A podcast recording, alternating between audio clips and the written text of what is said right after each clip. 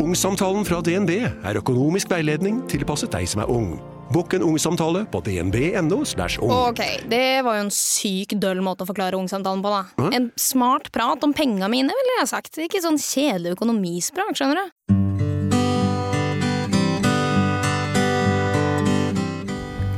Hei og velkommen til en ny episode av Selvmordspodden. Poenget med denne podkasten om temaet selvmord er at ikke én til skal velge den løsninga. Og i dag så er du her sammen med Kina Reinertsen. og Anne Giljevekke. Vi har valgt å ha hovedfokuset vårt på unge menn som er usynlig deprimerte. Det vil si at det er ingen som vet at de sliter med slike tanker, og de klarer heller ikke å snakke om det til noen. I podkasten skal vi fokusere på historier, og du kommer til å møte mange forskjellige mennesker som har tanker rundt dette temaet. Og i dag skal vi få lov til å høre del to av intervjuet med Egil Svartdal, som handler om skam. Før vi gyver løs på intervjuet med Egil Svartdal, så har vi bare lyst til å si en liten intro. For vi gjør jo alltid litt research sjøl, og jeg, jeg kjenner at dette med skam har jeg lyst til å vite masse mer om. Vi henta ut litt fra noen forskjellige plasser. Er det noe du har lyst til å si om det temaet før vi kjører intervjuet? Eh, Ja, vi fant jo egentlig noe ganske interessant på psykologisk.no. Der er det Johanne Rogndal som har skrevet, hun er terapeut og psykolog, Hun skriver bl.a. at skam opprettholder psykisk lidelse, bl.a. ved å understøtte en streng indre dialog. Og det er jo kanskje noe vi ikke er så bevisst på med oss selv, at vi er veldig strenge med oss selv, og det sies jo at vi er vår sterkeste kritiker. Det er jo mange mennesker som er veldig selvkritiske hele tida. Altså, det er veldig fort Nei, det her kommer jeg aldri til å klare. Eller dette Nei, det er typisk meg. Hele familien min er sånn. Eller dette får ikke jeg til. Eller Og jeg er så dum. Jeg er helt ubrukelig. Altså, det er jo noen som er der veldig fort og disser seg sjøl, og det ligger ganske dypt. Så at, eh, at de har noe med skam å gjøre.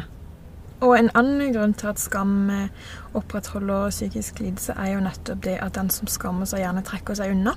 Og Derfor skriver hun videre at eh, i behandling av angstlidelser så er unngåelsen et kjernetema. Det å unngå angsten, det er nettopp det de griper fatt i. Den som skammer seg, må bli eksponert overfor den følelsen. Jeg vet jo det med angsttrening, så er det sånn at hvis du er livredd for heiser, så skal du liksom gradvis Altså det de snakker om eksponeringsterapi. Litt og litt forsøke. Altså bare ta et bein inn forbi Jeg vet ikke helt åssen de gjør det, men Men åssen kan du gjøre det med skam når det ligger så langt, langt nede? Åssen kan du eksponere Ja, Det er et veldig godt spørsmål, og det er jo kanskje det siste man også vil. Hvis man har noe man skammer seg over. At man vil dra det frem litt, Ja, litt etter litt. kan vi få den fram? Liksom den der verste tingen jeg kan tenke meg å snakke om. Men hvis noen av dere som hører på, kjenner dere igjen litt på dette her med skam Altså, dette er noe som jeg sliter med. Jeg skammer meg over mange ting i livet mitt, og jeg er livredd for at noen skal få vite akkurat dette om meg. Så kanskje rådet vårt kan være finn én person som ikke har svikta deg før. Det trenger ikke å være familie, det trenger ikke å være psykolog, men finn én person som du kan prøve deg litt fram, om de tåler å høre om dette som er så skummelt for deg å snakke om. Jeg har også hørt en eh, ting som jeg kom på nå, som jeg syns var ganske fin. Det var noen eh, som snakka med vennene sine, og eh, da spurte de rett og slett har du mental kapasitet til å høre på akkurat nå. At jeg snakker litt om dette. Ganske det syns jeg var en veldig fin måte å liksom komme litt inn på det, da. Mm. Og høre at det er greit å snakke om hva enn det temaet skulle være. Det var en god idé. Mm. Jeg pleier å bruke det hvis jeg ringer til noen. Så sier jeg åssen er det, har du mulighet til å snakke et par minutter, eller skal jeg ringe deg opp? For mange ganger så avbryter du midt i nå, eller folk er ikke der i hodet at de kan eh, håndtere en sånn tøff sak.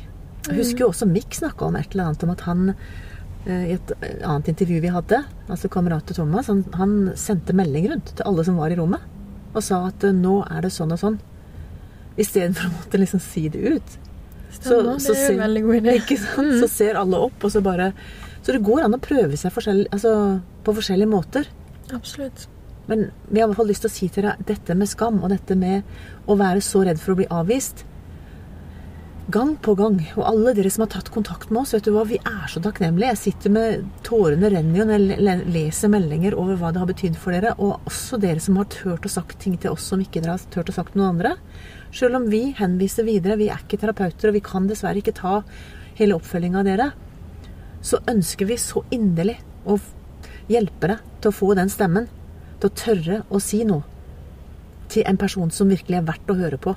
For det er det som er virkelige venner. Det er de som, som tør å ta imot deg når du sier noe av det mest sårbare og skumleste du kan tenke deg. Så nå er vi jo på vei inn til å skulle høre litt mer på Egil Svartdal. Yes. Da tror jeg bare vi setter i gang intervjuet.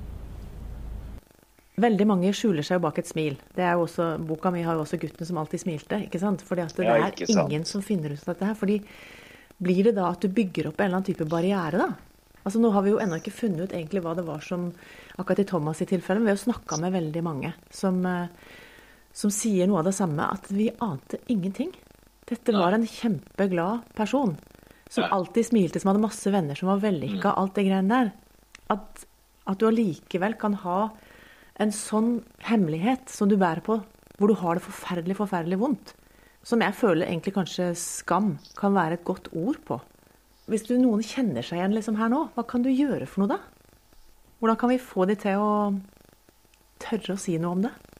Ja, jeg, jeg kan jo selvfølgelig ingenting om din gutt Thomas, men eh, jeg ble veldig nysgjerrig når jeg leste om det såkalte skamkompasset, som er et begrep.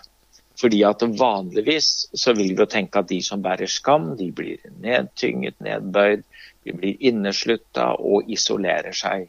Og hvis du tenker at kompass gir retning i 360 grader, altså helt rundt, så vil det være én retning. Og så har vi nok tradisjonelt sett tenkt at det er alle som bærer på skam, de gjør akkurat det. De blir nedbøyde, de blir nedtrykte, nedstemte eh, og ensomme og isolerte. Fordi man, er prøver, fordi man prøver å skjule seg, ikke sant. Mens det vi ikke så lett forstår, det er jo at det for noen blir det akkurat motsatte. Så istedenfor å isolere meg, så eksponerer jeg meg. Og kanskje ikke bare å eksponere meg heller, men jeg overeksponerer meg. Eh, fordi at eh, jeg syns det er så vondt å bære på denne hemmeligheten. Jeg vil ikke snakke med noen, jeg vil ikke erkjenne at jeg bærer på en sånn dyp skam. Så da vil jeg jo skjule det. Og da kan det jo hende at vi sier om han eller henne Hun eier jo ikke skam i livet. Han der er jo skamløs. Det huset der, eller de klærne der, eller den svære båten der. Altså, vi kompenserer eh, ved å gå motsatt vei, da, for at folk ikke skal oppdage det vi bærer på. Og så har vi Det høres jo litt slitsomt ut, det òg. Den overeksponeringa. For det, Ja, det er ikke sikkert man er... er skjønner jo det er tungvint å være deprimert og alt å gå den veien på en måte og, og lukke seg helt inne, men Ja, det er ikke sikkert man er klar over det sjøl heller. nei. Det er jo ikke sikkert. Eh, og så er det en annen retning, da, at jeg eh, angriper andre. Eh, jeg tror at mye av det vi ser også i de såkalte nettrollene, hvor man blir veldig aggressiv, veldig bastant, eh, veldig tydelig til å henge ut, til å peke på. Eh, Jeg tror at veldig mye av det er skamdrevet. Det er rett og slett at jeg alltid prøver å gjøre folk oppmerksomme på noen andre. Og Såpass mye erfaring har jeg som pastor og sjelesørger også, at noen av de som har vært minst nådefulle mot andre, og de som har vært hardest i sin dom, eh, over tid så har det vist seg at veldig mange bærer på ganske mørke hemmeligheter, som på et eller annet tidspunkt kommer for en dag. Men de valgte å stå på barrikadene, de valgte å gå til angrep på andre, og det var kanskje ubevisst eh, en skam de prøvde å dekke over. Ja. Og så har vi selvskadinga og det som gjør at jeg ødelegger meg sjøl isteden. eh, Hvor jeg Det er jo et svært tema, akkurat det der. ja, hvor du kommer i en destruktiv eh, spiral nedover og nedover og nedover. Jeg er en dritt, så jeg fortjener ikke bedre. Og det gjør ikke noe om jeg går til grunne. Eh, og, så ser man egentlig at mennesker kommer inn i en slags destruktiv nedoverbakke. Og for noen ender jo det også med at eh, de tar sitt eget liv. Verden blir et bedre sted eh, hvis jeg ikke er her. Og det er jo Finn Skårderud som eh, psykiater Finn Skårderud som har sagt at den dype skamfølelsen det er smerten ved å se seg selv som en som ikke fortjener å bli elsket. Jeg syns rett og slett ikke at jeg er elskverdig. Og da tror jeg at noen tar sitt liv fordi de dypest sett tror at de gjør andre en tjeneste. Det er ganske heftig. Ja, det er veldig heftig. Det er, så, eh, så, det er fint at uh, du snakker om det, at du deler om det og er så åpen om det. Eh, og som du sier, vi, vi må prøve å hindre eh, at en til gjør det. Mm. Jeg hadde et spørsmål her om selvkritikk, som du nettopp har snakka om at det kan være sånn symptom. At du disser deg sjøl, på en måte. Hvis ikke du velger disse andre delene av kompasset, da, så blir det en Men, men hvordan ja. kan du få snudd den, den, negative måten å snakke på? Har du noen tips der, liksom? Hvis du er vant til at det, med en gang noe kommer mot deg, eller et eller annet, så bare Ja, men jeg, jeg er jo ikke verdt noe mer, jeg er ikke noe bedre enn dette, det er så typisk meg. Jeg er jo avhengig, eller jeg har jo ja, altså Det er jo en del sånne automatiske ting som kommer opp, som gjør at den bare går nedover den spiralen. Der, har du noen sånne stalltips på det? ja, stalltips. Det er veldig eh, Nei. Eh, det, det, er jo også litt sånn at det er jo sunt på én side og helt nødvendig å være selvkritisk i den forstand at jeg ikke godtar alt jeg sier, alt jeg gjør. Sånn at en slags sunn, konstruktiv selvkritikk er jo fint. Men hvis mm. et sterkere ord enn selvkritikk er jo selvforakt, og da blir det også veldig sånn destruktivt. Så selvforakten, den bør man virkelig få gjort noe med. Det jeg er helt enig med deg. Det er måten jeg snakker om meg sjøl på, måten jeg snakker til meg sjøl på. Jeg har jo sagt at uh, den skylden som vi bærer på, som er reell, uh, den må møtes, og den kan fjernes, og den kan løses ved tilgivelse. Altså en grenseløs nåde både av Gud og mennesker. Eh, på den andre siden så tenker jeg at skammen den kan forløses og, og oppløses ved at den møter ubetinget kjærlighet. Eh, altså rett og slett at jeg er elsket ikke for det du tror jeg er, og det du håper at jeg er, men at jeg er elsket som den jeg er. Og i den delen der hvor jeg våger å åpne opp hvem jeg er, hva jeg bærer på, hva jeg sliter med, og få lov å gjøre det overfor mennesker som jeg kan tro, og våge å tro, at de er glad i meg allikevel. Eh, ikke slutter å være glad i meg hvis de oppdager hvem jeg er, men at de mm. er glad i meg selv om de vet hvem jeg er. Og selv om de vet hva jeg har gjort eller ikke gjort, sagt eller ikke sagt. Eh, ja. og så det er bare én måte, og det er liksom hvis jeg blir barnende dette helt alene, eh, så er jo det destruktivt uansett hvilken retning dette tar meg. Så jeg anbefaler jo folk å ikke ha så utrolig høy terskel på å be om en samtale. Om det er lettere å gjøre med noen mm. man ikke kjenner, noen man ikke vet hvem er, begynne der et eller annet sted. Oppsøke en psykolog, psykiater, men også en prest eller en sjelesørger eller et menneske som du vet at du kan stole på, men også kanskje, hvis dette er veldig dyptsittende, kan det være nødvendig å finne noen som kan noe om dette faglig, som kan du rett og slett kan få hjelp, ikke bare til å snakke, men at når du har begynt å åpne deg, kan få hjelp til å komme ut av dette. For det finnes jo en vei ut av så dyp skap. Virkelig. Men det kan, kanskje det er et poeng å å begynne litt forsiktig hos noen. For det er jo kanskje det at du tar, hvis du har noe som du skammer deg veldig over, så skal du vel kanskje teste det ut på noen. Ikke sant? Og finne noen som du sier, hvis, hvis det du egentlig trenger er da den betingelsesløse kjærligheten. Noen som sier men du, vet du hva, dette er ikke uvanlig. Altså dette ikke her sant. Så tøff du er, liksom, som tør å si noen ting om dette her. Altså, men hvor får du den hjelpa? Altså, nå har vi vært gjennom korona uker ja. med isolasjon og med alt mulig mm. sånn. Så jeg tenker hvis noen sitter der og tenker ja, jeg kjenner meg kjempeigjen i det du sier. Mm. Hva, hva, anbefaler du at de, de, gjør, sånn helt konkret? Altså, jeg anbefaler jo altså har man Det er jo ikke alle venner man skal bruke som uh, type terapeuter og sjelesørgere, selv om fortrolighet er jo en måte å løsne litt opp på. og jeg tror det er helt rett at vi gutter og mannfolk trenger hjelp i større grad til å snakke om følelser. Eh, og at det blir ofte vanskeligere for gutter enn for jenter. Men jeg syns jo også at det har vært litt sånn skambelagt å søke jobb og gå psykolog. og liksom Det har vært skambelagt i seg sjøl. I dag syns jeg at det er lysere og lettere. Folk har personlige trenere, de har coacher, de har eh, mentorer.